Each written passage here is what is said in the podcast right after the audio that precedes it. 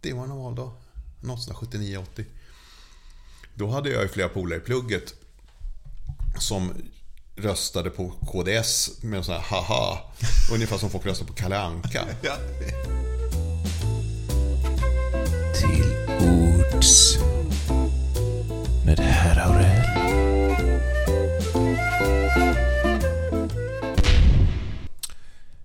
Till ords med herr Aurell har bjudit in Johan Johansson.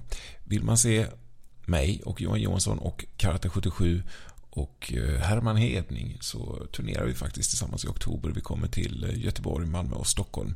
Eh, vi vill bara dansa, googla detta på nätet. Men nu ska vi prata om politiska låttexter. Hej och eh, välkommen till Till Ords med herr Aurell och med mig idag så har jag Johan Johansson. Ja men titta, här var han. Ja, eh, då ska vi börja med att presentera dig förstås. Ja, eh, jag är jättegammal och levnadsklåpa brukar jag som, som gebit. Vad innebär det då? Att du fifflar? Det innebär att jag hamnade som någon slags musiker när jag var 17 och sen så har jag inte blivit äldre än 17. Jag lever fortfarande som jag var 17. Du är en sån barnstjärna. Jag pratar om det med mina vänner ibland, folk som blir barnstjärnor och sen blir de skadade för livet. Ja, lite så Nu vill jag är inte nämna några namn i bekantskapskretsen, men det finns ju en del komiker som slår igenom väldigt tidigt. Ja.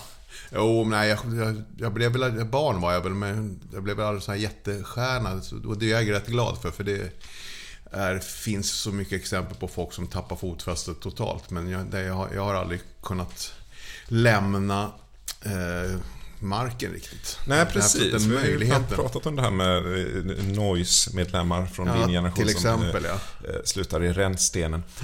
Och du har aldrig tagit dig upp i din... Eller? Nej, jag har Nej, liksom men- aldrig riktigt... Jag, nej, jag har väl liksom inte fått fallhöjd ner i den stenen. Nej, precis. Eh, Då kanske man... Du är ju, du är ju en ödmjuk människa, så jag får presentera dig eh, från, från mitt håll då. Och då är du ju eh, känd mycket fortfarande från KSMB och Strindbergs och sådana band som kommer där strax efter. Men efter det så är du också väldigt känd, inte minst då internt i, eh, vad ska man säga, vis, vis punk, vis rock. Sådana scener där du har producerat en väldig massa artister genom åren Mm, det har blivit en del. och rört dig där me- mellan, eh, bakom, bakom scen på något sätt. Ja, men det är kul att få... Det är kul att göra vad man kan för att hjälpa fram grejer som man gillar själv. Jag är sån som... Jag gillar ju att, att, att gnälla och då så måste man ju ha fog för sitt gnäll. Och då... En grej är ju till exempel att gnälla på musik på radion som spelas på radio som för det mesta är skit tycker jag. Men då, då behöver man åtminstone kunna komma med ett alternativ som de inte spelar. Så att jag kan gnälla på det som finns. Du har ju producerat mig och det är därför du är med här, för att vi känner varandra. Men du har också producerat framgångsrika artister. Jo, men jag... jag har producerat ganska mycket och ganska länge så det har blivit... eh, Det folk har hört är väl kanske eh, Stefan Sundström och Lars Winnerbäck och Kjell Höglund och Lyckliga kompisarna och lite sådana där grejer. Man har gjort genom, av, det, av det som har blivit någorlunda brett. Men det, det betyder ju inte att det andra jag har gjort som inte märks lika mycket på något sätt skulle vara sämre än det. Nästan tvärtom. De här hjärtegrejerna är ofta prylar som försvinner tyvärr. Du är också um, politisk artist får man säga. Har väl kanske... Ja, Eller alltså- hur ser du det så? Ja, jag ser mig väl lite som så här protestsångare brukar jag kalla mig. Och det, Ja. för det gör ingen annan nu för tiden. Men det handlar väl mer om att fylla det man gör. Man, man sitter och gör, och gör låtar och skriver grejer. Och, och så ska man ju ha något att sjunga till. Det måste ju finnas några ord och då kan man ju lika gärna passa på och säga vad man tycker. Alltså jag vet inte vad som inte är politisk musik i sådana fall. Om man nu... Nej, det kan man ju diskutera. Jag tänkte vi skulle prata om det sen, för idag ska vi nämligen prata lite om politiska låttexter, hade jag tänkt. Vi, ehm, du är ju också Hammarbyare om vi vill knåda in ett eh, skivbaserat tema i det här. Ja, det är också lite, det är, det är också en liten politisk grej, tror jag. I alla fall för, för många, för det är, det är det, Hammarby är ju det laget i Stockholm. Alltså, det finns ju tre lag då, större lag i Stockholm. Eh, Stock, alltså AIK till exempel, men det är, det är inte något Stockholmslag som jag betraktar. Det, är, det tillhör provinsen, liksom Solna, det är en annan stad. Eh, och de har ju då nu ska jag hårdra lite fördomar här. Ja, kör på. Eh, AIK kallades ju helt enkelt för nazistlaget då när jag gick i skolan. Eh, för att det var väl de som var först med, med, med liksom lite Black Army och lite läktarvåld. Och, och hade lite, det var lite Highlander där liksom. Och så har vi Djurgården som då är bracklaget från Östermalm. Eh, och så har vi Hammarby som då är knarkarlaget då, lite sådär loser, losergänget. Eh, Kenta Gustafsson är väl ett praktexempel. Liksom. Det är vårt ansikte utåt. Och för min del så hamnar jag i, alltså i Hammarby, är lite, det är lite kul. För att eh, det var min pappa som anmälde mig i Hammarby när jag, i princip när jag föddes, så som jag förstår det. Därför att han jobbade med en snubbe som då var kassör i Hammarby. Och min farsa kommer från Göteborg och höll på guys. Och den här snubben tyckte att man kan ju inte liksom grabben den stackars grabben ska inte vid Gaisa utan men, men här har vi ett lag så det, som är lika mycket losers och lika mycket knegare, slödder som Gais. Så, så ta det. Samma lag och olika städer liksom. Så då tyckte vi farsan att det, det lät ju bra. Ja, just det. Ja, men det är väl den bilden jag har också. Det, det, din beskrivning av lagen låter lite som hur en kompis beskrev Finspång. Att man, om man bor där så får man välja på att vara nazist, tokkristen eller hårdrockare. Precis. Ja, det är väl så. Finspång antar jag. Men sen så finns det, alltså det finns ju olika slags supporterskap. Jag brukar få förklara mitt då varje... Typ när det är fotbolls-VM. Så jag så jag bryr mig inte så mycket om hur det går för Sverige. Där. Det är väl klart att det är kul om det går bra. Men det viktigaste av allting är att det går åt helvete för England. Just det. Så jag håller då på alla lag som möter England. är jag stor supporter till. Just den dagen. Just det, men du ogillar England även i allmänhet har jag fått för mig. Ja, jag har varit och spelat mycket. så, så eh, jag vet vad jag pratar om. Och det, det, Jag läste en åk, väldigt- åk dit på turné ifall det är någon som vill få aversioner mot- mot England. Du har ju skrivit en bok som med, med lite, bland annat lite så här charmiga resedokument, om man ska säga. Ja. Reseessäer. Där du klagar på olika länder och berättar Ja. episoder. England råkar illa ut. Ja, men England är ju speciellt. Det är också så här lite politiskt hänseende då. Att Ja. De är så jävligt under... Alltså det är... Det är liksom... Ruck, de bor i ruckelt i hus. De har liksom en tand i käften om de har tur. De äter skräp och, då, och eh, saker och ting bara faller ihop runt dem. Men de är ändå så här obrottsligt lojala mot kungahuset. Det finns någon så här, nästan något, något slags kastväsen. Här. Som det är i Indien, att man är född underklass och stolt över det och det ska fan inget ändras på. ja, det finns något sånt att det är väldigt konservativt på ett ganska bisarrt sätt. Här ska, ingen, här ska ingen komma och ge oss hela i- fönsterrutor i våra hem. Så här har det alltid varit. Ja, men det... Jag har klarat oss bra med liksom en masonitskiva istället för fönsterruta i 40 år. Så här ska ingen komma och byta ut den.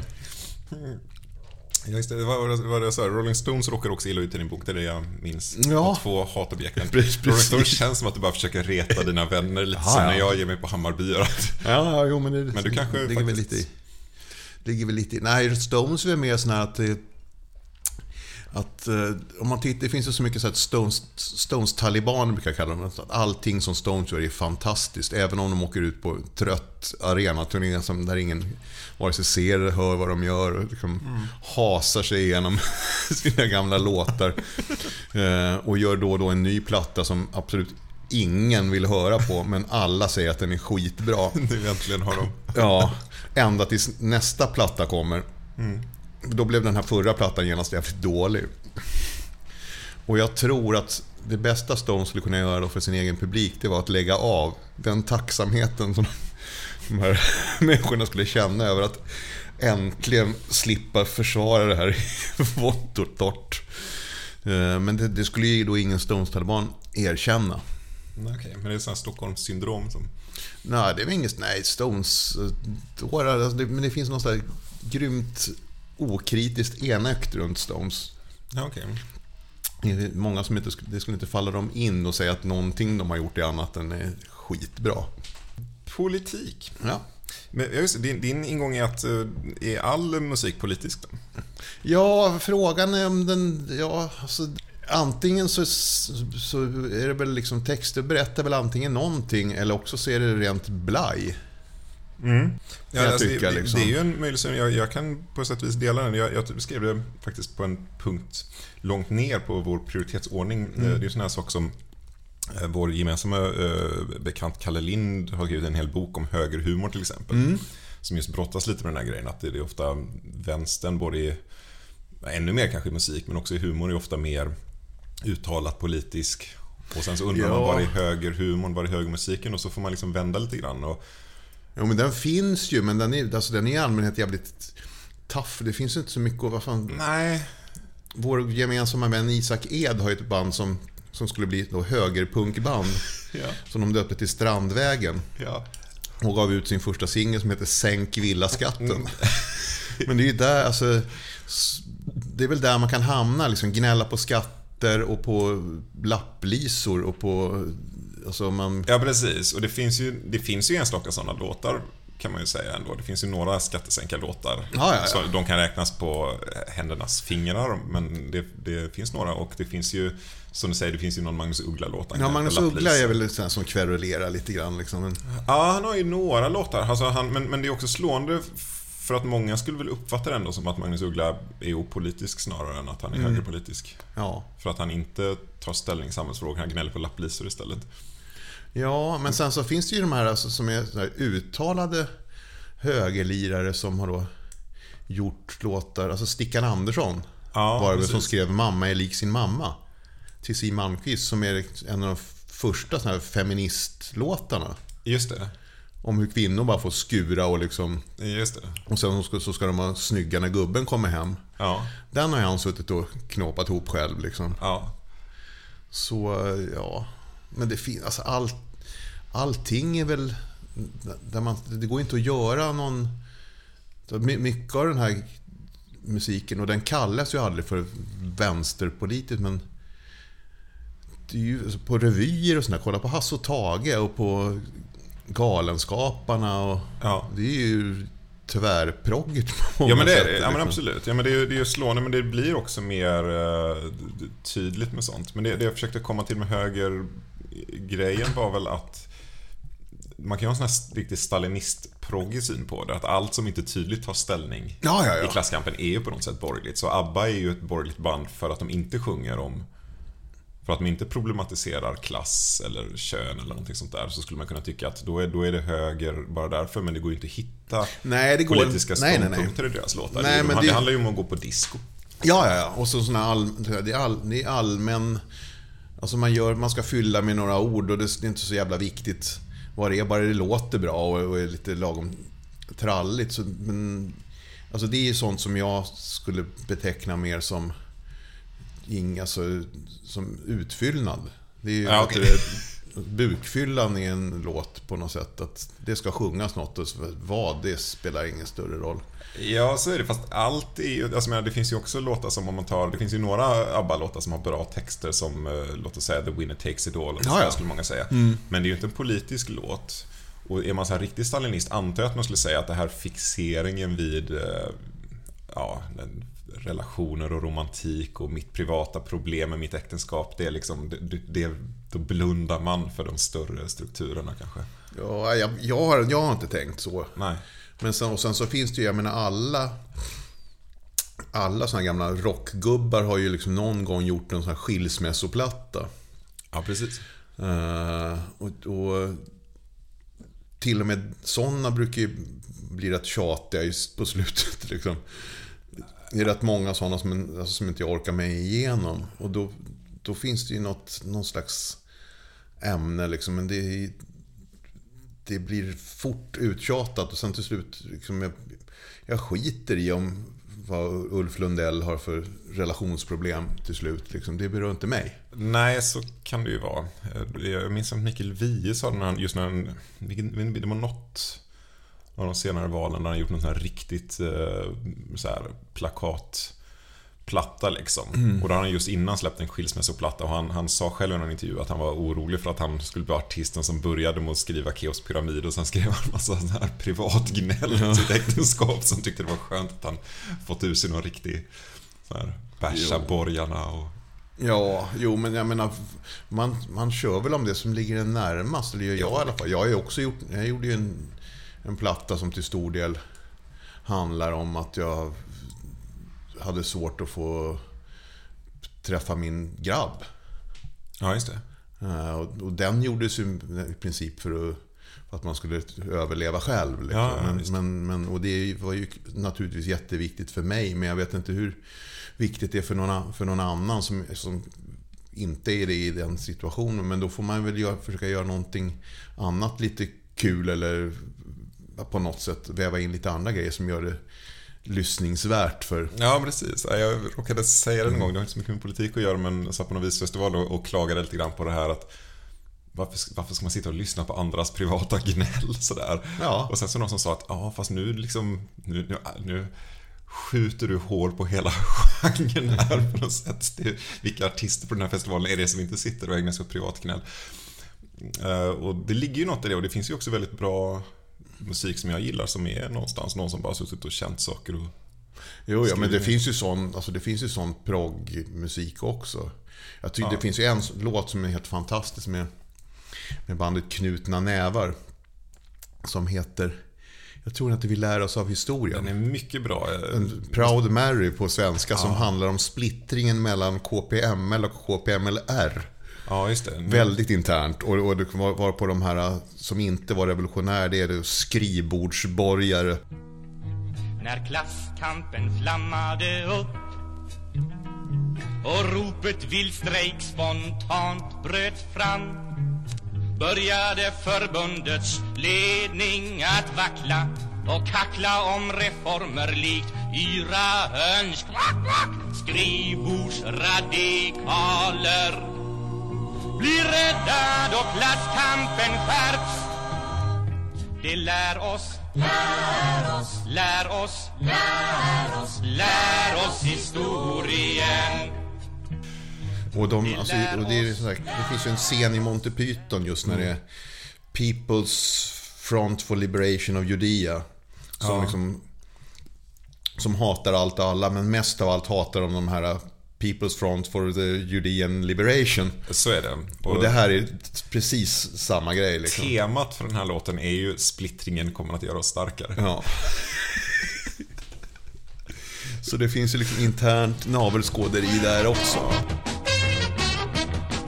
Vi läste Lenin och Stalin och angrep akademikernas reformism. Vi valde den skoningslösa kampens väg och enhet på arbetarklassens grund.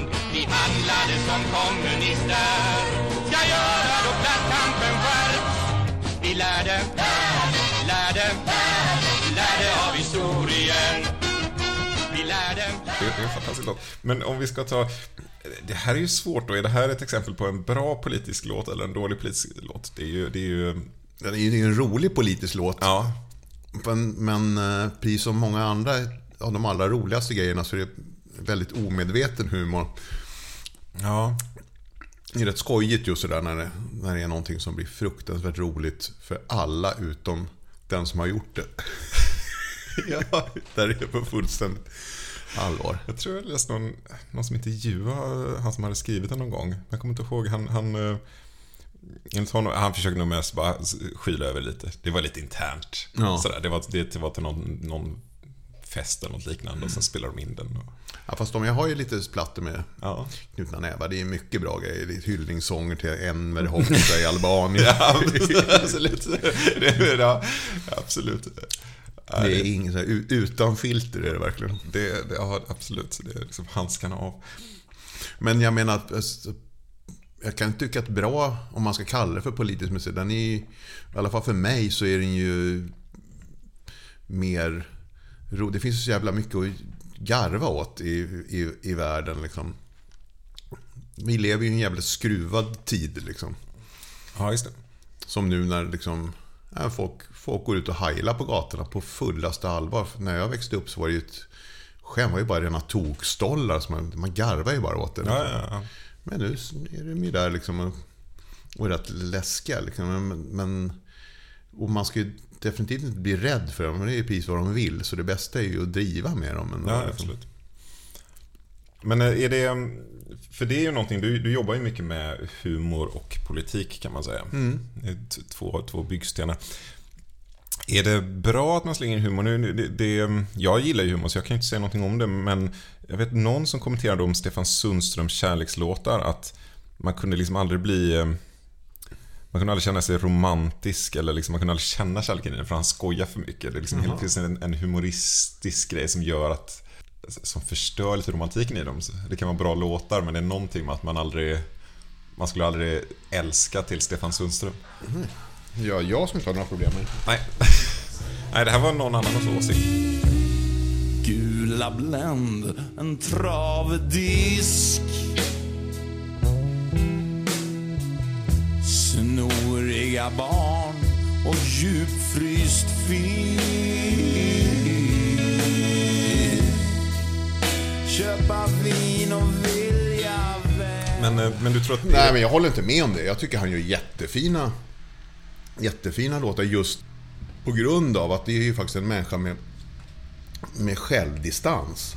Det är, jag, tycker, jag har lite svårt för när det bara blir sentimentalt och, och ingen som helst jävla liksom, avstånd till sig själv. Utan Ja, nej men det, det var... jag tycker han är en av de absolut bästa på att göra sånt. Sen, sen att, att om andra inte tål det, jag tror inte att det är så många som tänker på det sättet. Liksom. Jag håller inte med om det. Jag tycker han gör jättefina grejer. Ja, men det gör han. Jag tror, jag tror också att hon som skrev det inte tyckte att det var dåligt. Hon tyckte att det var, på något sätt blev det osexigt av eh, att man blandar in hela tiden så mycket humor och vardag och distans i det. Att det finns en distans i det som eventuellt påverkar.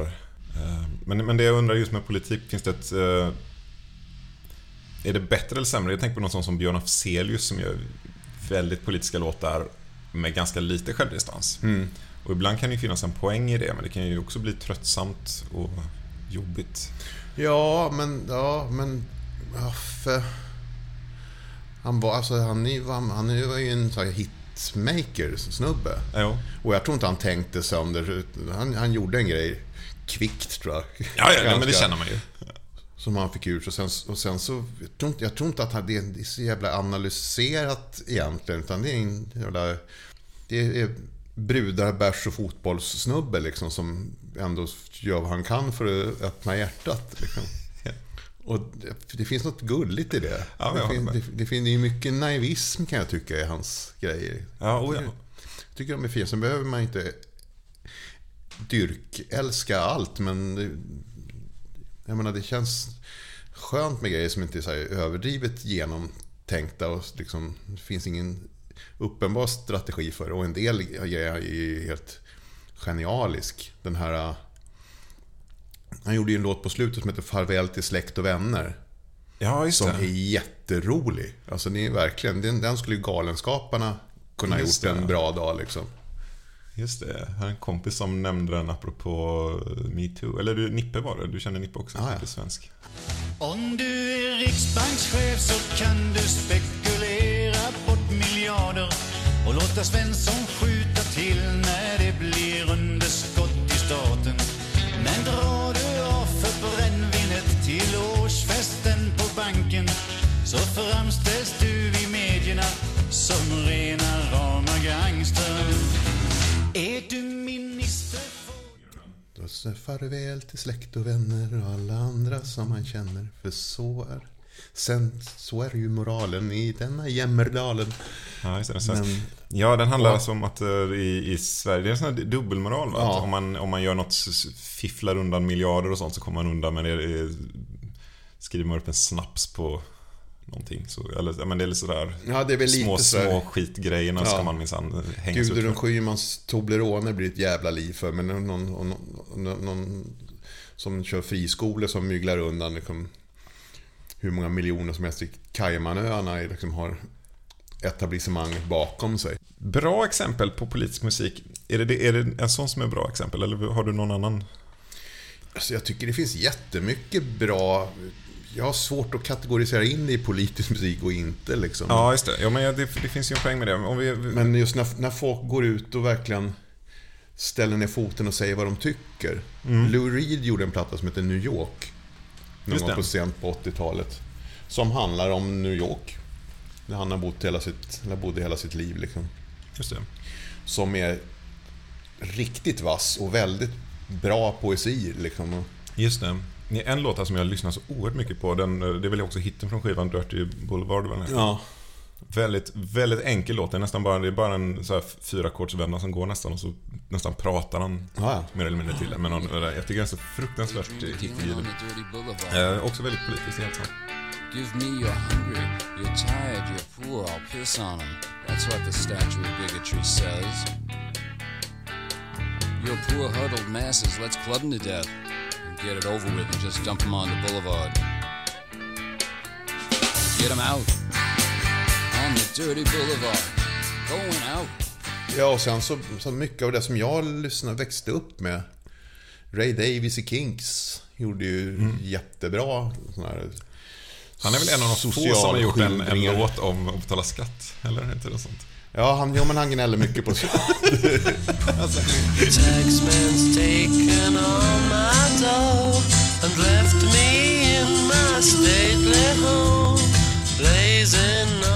Ja, George Harrison också. Ja, men det är väl de två. Alltså, Det det det är, det är, alltså, jag kan inte räkna upp många fler låtar som handlar om... Nej, det, jag såg på den här... äh, Gjorde, var, det, var det inte Martin Scorsese någon sån här, som gjorde en, en äh, dokumentär om George Harrison. Lång, jättebra. Ja. Eh, och sån skum, alltså det är så jävla dubbeltydig person liksom. Först är det liksom ja, fatalist, ja, ja visst ska liksom, allt lever vidare och att, att han gick och, och dog i cancer, det, be, det bekymrade inte honom ett skit verkar det som. Liksom. Men däremot så vill han ligga på hospice i Schweiz för att, för att inte den jävla skattmasen skulle komma och ta, ta pengarna liksom. Och, och, och, när han... Och sen när han väl hade pengarna, då gav han ju bort det till... Det var han, som finansierade Life of Brian. Ja. Och även Formel 1, liksom... För stall och sånt där. Just det. Öste han pengar över. Och- så satt han liksom och körde indisk yoga. Det är väldigt schizofrent liksom allting. Ja, apropå barnstjärnor och Ja. deras liv. Funkar politisk musik? Eller det kanske, du kanske inte bryr dig på det sättet? Du, du Nej, inte... alltså det, det funkar ju inte på det. Det, det händer ju ingenting. Alltså, Nej. det, Är det mer terapi för den som utövar och lyssnar eller förändrar man samhället? Ja, nej, jag- det, nej, jag tror inte man förändrar. Man kan kanske påverka folks tänkande och värderingar lite grann. Det kan man nog. Eh, Det får jag höra rätt ofta. Här med folk som har vuxit upp med ens musik. Att man har fått dem att, att tänka på annorlunda sätt. Men om det förändrar någonting, det tror jag verkligen inte. Inte nu för tiden. Jag vet inte hur mycket såna här... Alltså typ så här Joe Hill och fack... eh, Alltså det här Folkhem-Sverige, om det, om det har något soundtrack direkt. Nej, jag vet inte. Det finns ju mycket politisk musik, eh, tänker jag. Jag har ju inte jobbat med hiphop, men det är roligt att du har gjort det. Jajamän. Det är mitt mest utskällda jag har gjort i hela mitt liv. Jag gjorde en platta tillsammans med Billy Crafoord från just det som heter Griniga gamla gubbar. Just det. Jag är jättenöjd med den, den var kul. Ja, ja jag har lyssnat en del på det, men, men nej, det finns en politisk ton i alla fall i det som du gör, tror jag. Ja, ja. Ja, man vill ju värna värdena som vårdar världens väl Som suddar svält och strid och sedan stoppar slakt på säl Sen väntar man beskedet om att världen har blivit ljus Mens panda-almanackor läggs på travar i vårt hus Varför tar det sån tid? Det blir klart snart, håller på med Sätt fart, Jo, men, men, men det är det här... äh, Man håller på med musik och sen så ska man ju liksom ha något att sjunga till. Då kan man ju lika gärna göra någonting som man står för och som, är, som man kan leva med i efterhand. Man ska ju ändå liksom ut, ut och spela. Och det, jag brukar säga det, jag är rätt nöjd att ha tillbringat, inte ha tillbringat hela mitt liv med att åka runt och sjunga Oh mamma liksom. Ja. Eh, Men mer än så, alltså för, för min del handlar det mest om mig själv och vad, vad jag tycker är värt att göra och inte liksom. Ja, ja, nej, själv åker jag bara runt och dissar saker som jag egentligen inte har någon åsikt om. Ja, men du, alltså, jo, men du har mer... Dina grejer är djupare än du tror själv, tror jag ofta. Ja, alltså jag, är, jag är ju någonstans intresserad av, ehm, av samhällsgrejer och, och innehåll i texterna på det sättet. Sen, sen tror jag att när jag började så fanns det redan en sån djupt upplöjd fåra av att om man gör så här texter som innehåller någonting så ska det vara en viss vänsterpås. Det ska vara Lars Demia liksom. Och då kändes det lite...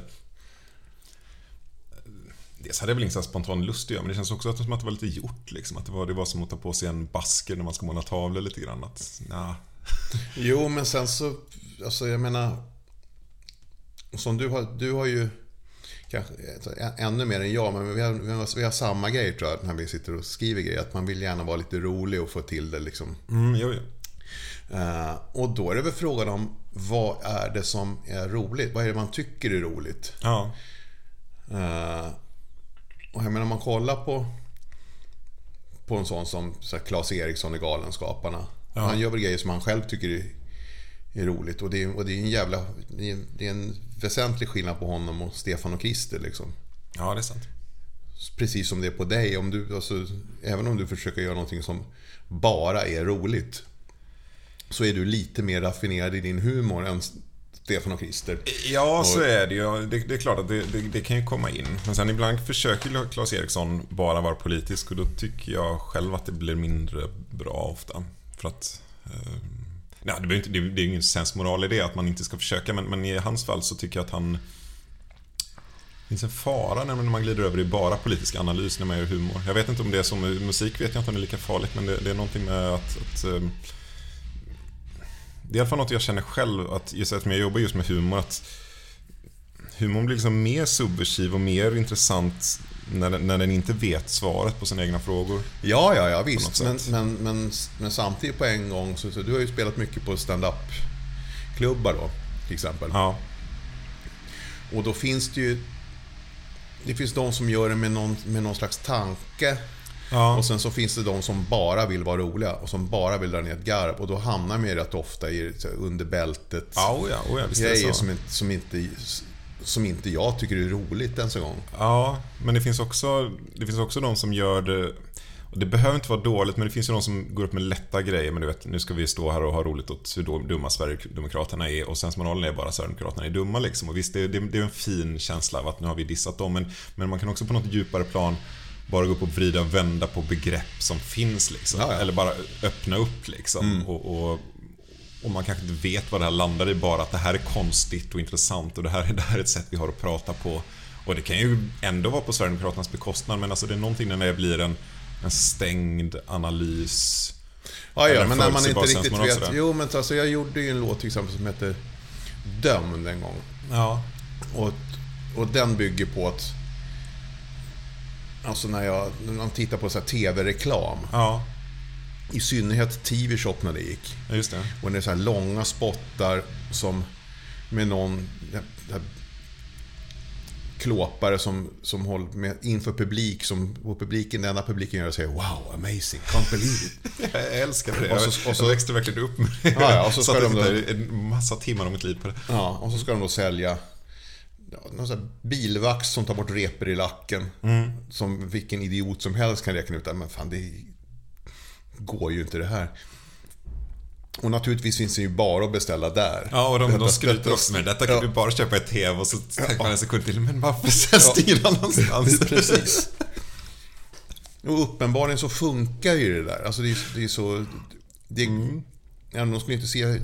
Ha en polare vars, vars fru jobbade på TV-shop. Och när de, när de sände någon sån här... Jag minns inte vad det var, men det var någon riktig idiotgrej.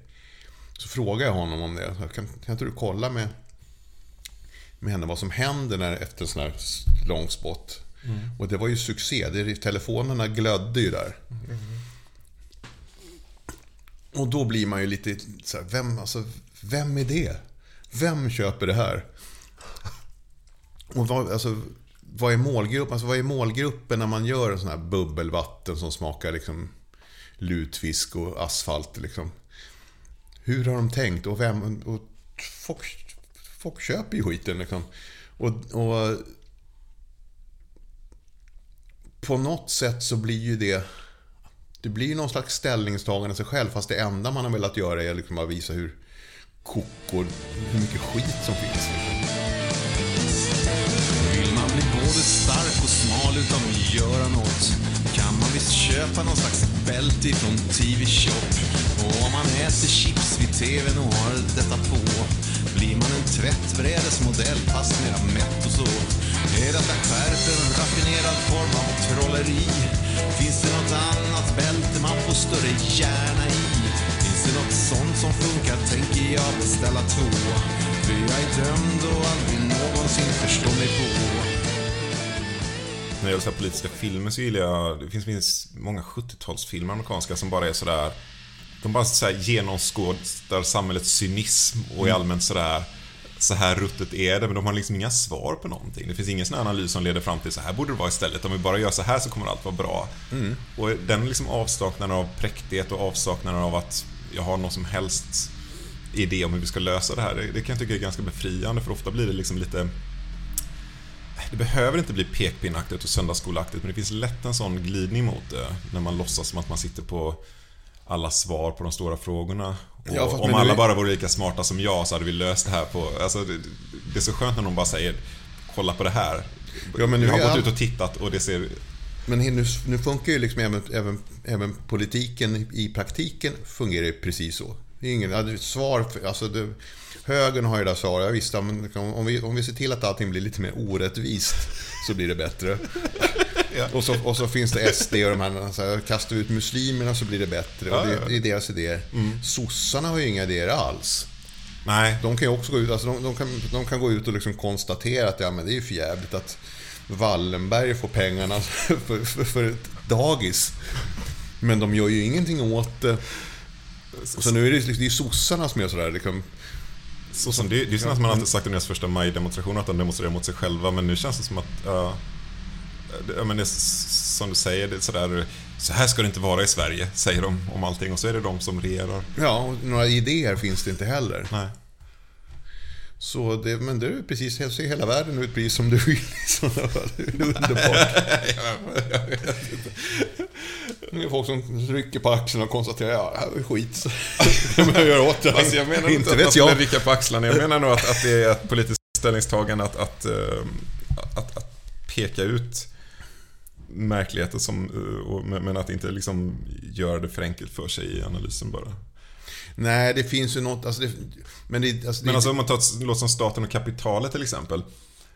Den är, det kan man ju inte säga att det, det är ju inte en ryck på axlarna-låt. Nej, nej, nej. Men den pekar ut, så här fungerar svenska samhället. Ja, men det är en väldigt klok. Alltså det, Ja, men jag menar, det- det, det är ju en superproggig låt, men den har inte någon sån här enkelt eh, Åh, vi ska bara sluta samman med Ho Chi Minh så blir allt fint i Vietnam. Det är, alltså, den den är ju väldigt sådär, nej så här fungerar det svenska samhället. Det är korporativt och, eh, alltså det är väldigt... Jo, men det var ju, det är ju Blå tåget i, i, i, som de gjorde låten från början. Ja. Kan man kanske säga, för det är inte så många som känner till.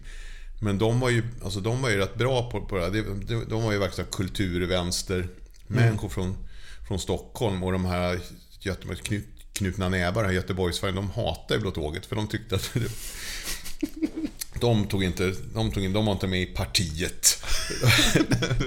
Men det, alltså det som är det som blir lite patetiskt i efterhand i alla fall, det är ju just de där som har, som har tagit, där allting är svart eller vitt liksom. Där liksom, folk som har pengar, de är per definition, det är ondska. Och alltså det var, det var ju, alltså det, var, det är ju sådana här lir när liksom bankdirektörens son ställer sig på, av princip och jobba på varvet. Och utbilda sig, det ska man inte göra. Man ska Ja, inte lämna sin klass liksom. Eh, och, men den, den delen av politisk musik är ju död. Liksom. Den finns ju inte kvar. Att man ska jobba på varvet, nej. Ja men den här Göteborgs romantik liksom. Ja, det känns som att den måste varit lite föråldrad redan Där då. För de, de, de la väl nästan ner industrier redan på 70-talet sådär. Ja. Dan Berglund är ju en sån artist. Som ju är, det är ju en riktig RR. Ja, han var, alltså han, Dan var väl sån här, äh, som, så, så vitt jag förstår. Han var ju väldigt, väldigt ung. Och sån här singer-songwriter liksom i, i Göteborg. Och blev väl liksom upp, han var säkert ärrare, men han blev, upp, han blev så väldigt omhuldad av det här gänget. Så, och, liksom, och han hakade väl på själv liksom. Att det här, det här funkar ju liksom. Och jag- och sen så, alltså, de här senare plattorna han gjort är ju inte alls som. Det är väldigt fina, Just det. väldigt poetiska grejer. Men, men, men lik förbannat står folk och skriker på vad de nu heter. Man ska liksom halshugga De Wallenberg. mördades fria republiken. Ja, det, precis. det är ju bra låtar också. Ja, ja. De, de, de, men där är ju... Jag vet ju folk som bara sådär, det här är verkligen, det här säger sanning om samhället. För mig är det sådär, jag, jag får känslor av dem. Men, jag, men det är också mycket ironi i att, lyssna på, sådär, studera Marx och Lenin och Ja, ja, ja. Men, men de är fina tycker jag just för att de är... Det, det finns en innerlig bild av Ja men det är fan folk som går och jobbar och de har någon vän som dör i cancer från du vet, arbetsskada. Ja. Det finns en sån här genuint sådär peka ut någonting och sen, men sen så, som jag sa, det just när problemen ska lösas så är det ändå som det också kan vara i Nationalteatern, att den här fabriken hade varit perfekt om det bara var vi som ägde den Ja. via någon fackombud. Sådär, att, att, och då, då, den delen Man måste genast ha ett möte. Ja, men det är liksom att lösningen är aldrig lika pompös som den här ändå djupt kända problembeskrivningen. Liksom. Nej. Att här finns det liksom Wallenberg som sitter och blir rika på att liksom, vi går här och lever vanliga knegarliv. Att, och där känner man verkligen att ja, fan, det, här, det här är inte okej. Och sen är det så här, lösningen är att vi, vi måste studera Lenin, ha ett möte. Ja. Och så känner man att mm, det, det var gulligt. Jo, men sen, sen är det är gjort i en annan tid också. Ja, visst, och så ska, ska man ju inte glömma bort just särskilt den här Göteborgs alltså det var ju väldigt stenhårt kategoriskt liksom. Mm. Komma och vara bög till exempel, det hade man ju ingenting där att göra. Det hatar de ju. Ja, just det. De skulle inte vara med i något Pride-tåg, definitivt inte. Nej, för det var, det var Och- fortfarande en borgerlig Ja. avvikelse. Och sätt. den här liksom att jämlikhet mellan könen var väl också lite sådär, alltså inte direkt någon het fråga. Utan det var liksom manliga kroppsarbetare i blåställ. Ja. Det var vad som gällde och alla andra var, liksom- var ö- överklasspajar. Jag åt min gröt och läste tidningen Tog väskan i min hand och kysste kärringen Djup låg snön och natten såg mitt spår Det är en sån grej. Du har ju varit med länge då eftersom du började som barnstjärna i slutet av 70-talet. Upplever du att den här liksom... Ja, uppenbarligen den typen av proggpolitisk musik eh, finns väl inte kvar på det sättet i alla fall. Och genom maskinerna sjunger vi för er Studera Marx och Lenin och förena er Klass mot klass måste striden stå Alltså den här riktiga arbetar... Nej, och jag har alltså den...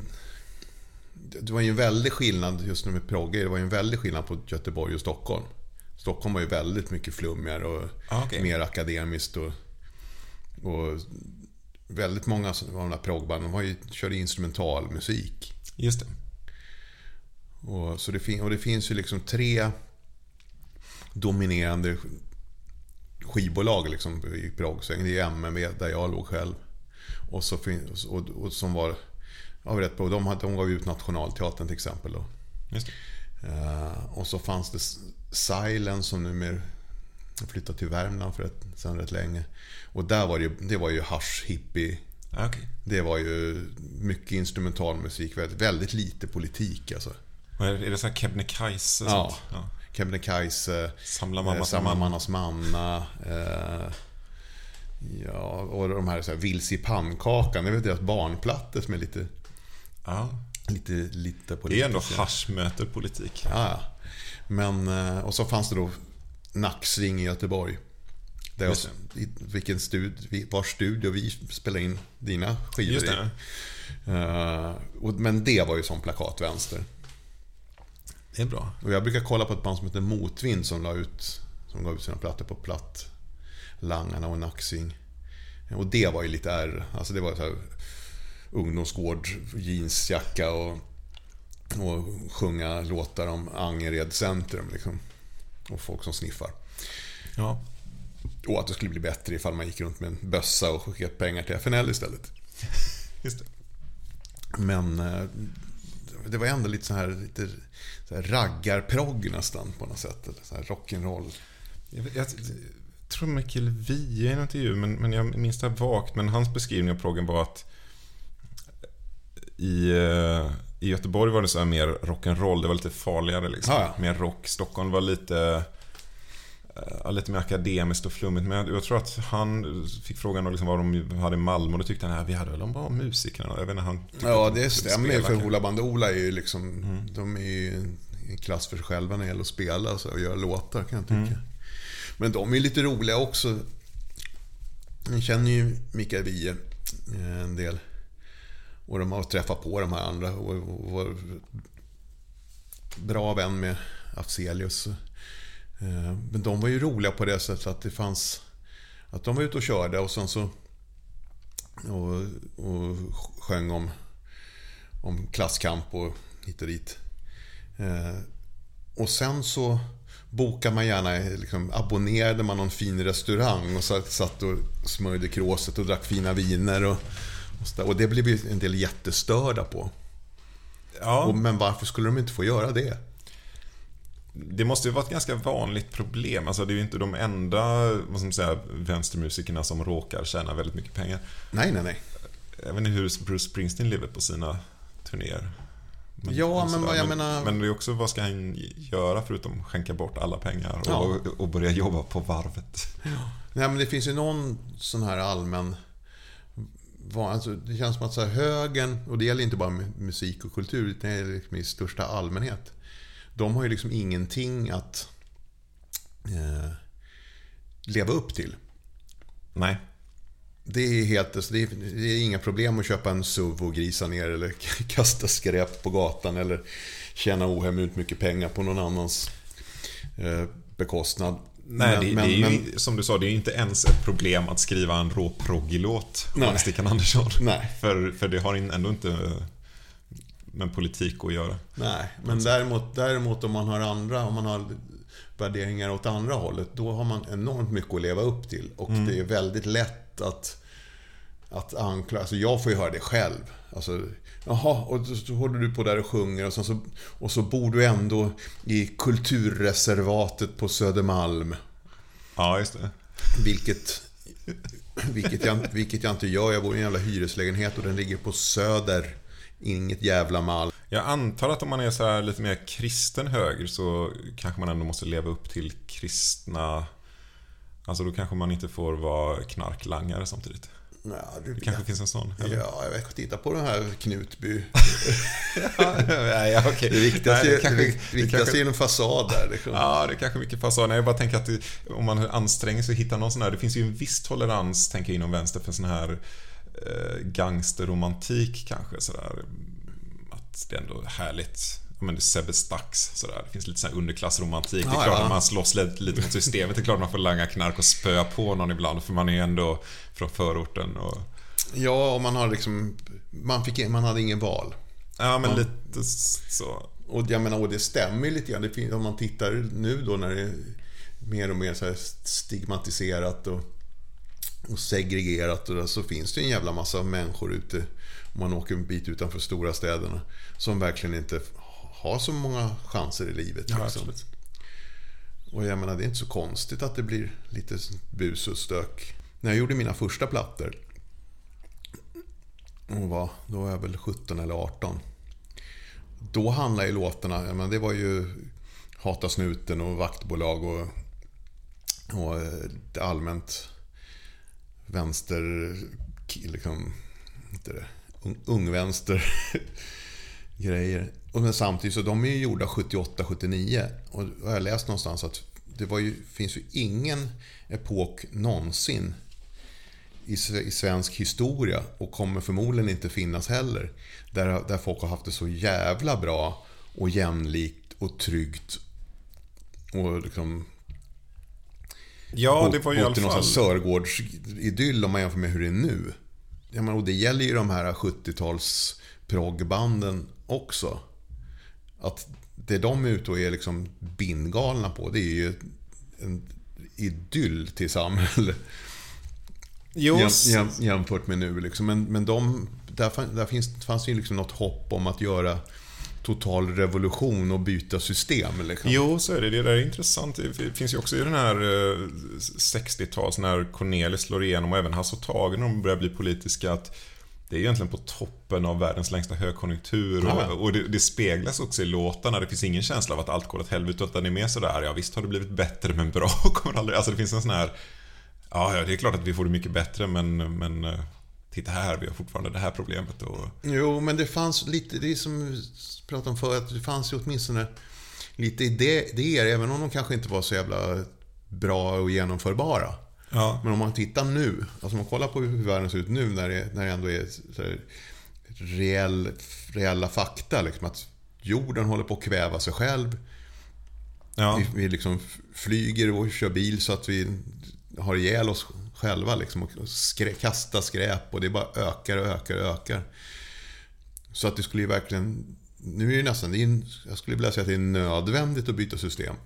Det funkar inte. Alltså folk, alltså om, folk får göra som de vill och ha för mycket pengar och det inte finns några restriktioner alls. Så kommer det ju gå till helvete. Det är ju bara att det finns liksom inget... Alltså det, går, inte- det går inte att... Det är inte genomförbart att liksom byta system hur som helst eller införa någon slags kommunism. Det törs ju ingen andas om ens en gång. Och man kan inte konfiskera folks tillgångar så att de inte har råd att, att göra sådär. Man kan inte... Alltså det blir ett jävla liv nu när de ska införa någon flygskatt för, Ja, för det. 60 spänn eller vad det, är- vad det är. Mm. Men det finns att nu är det mer... Alltså då fanns det ju någon sån här att okej, men det är rätt bra det här men det kan bli ännu bättre. ja, men det är ju intressant. Om vi gör Alltså, så här, nu är det, nu är det så här, det håller på att gå åt helvete och det, det kan ingen göra något åt. Det finns inga... Jag menar, nu till exempel, bara någon andas som så här begrepp som medborgarlön Ja, just det. så skakar ju bara folk på huvudet och, och anser att det är ogenomförbart.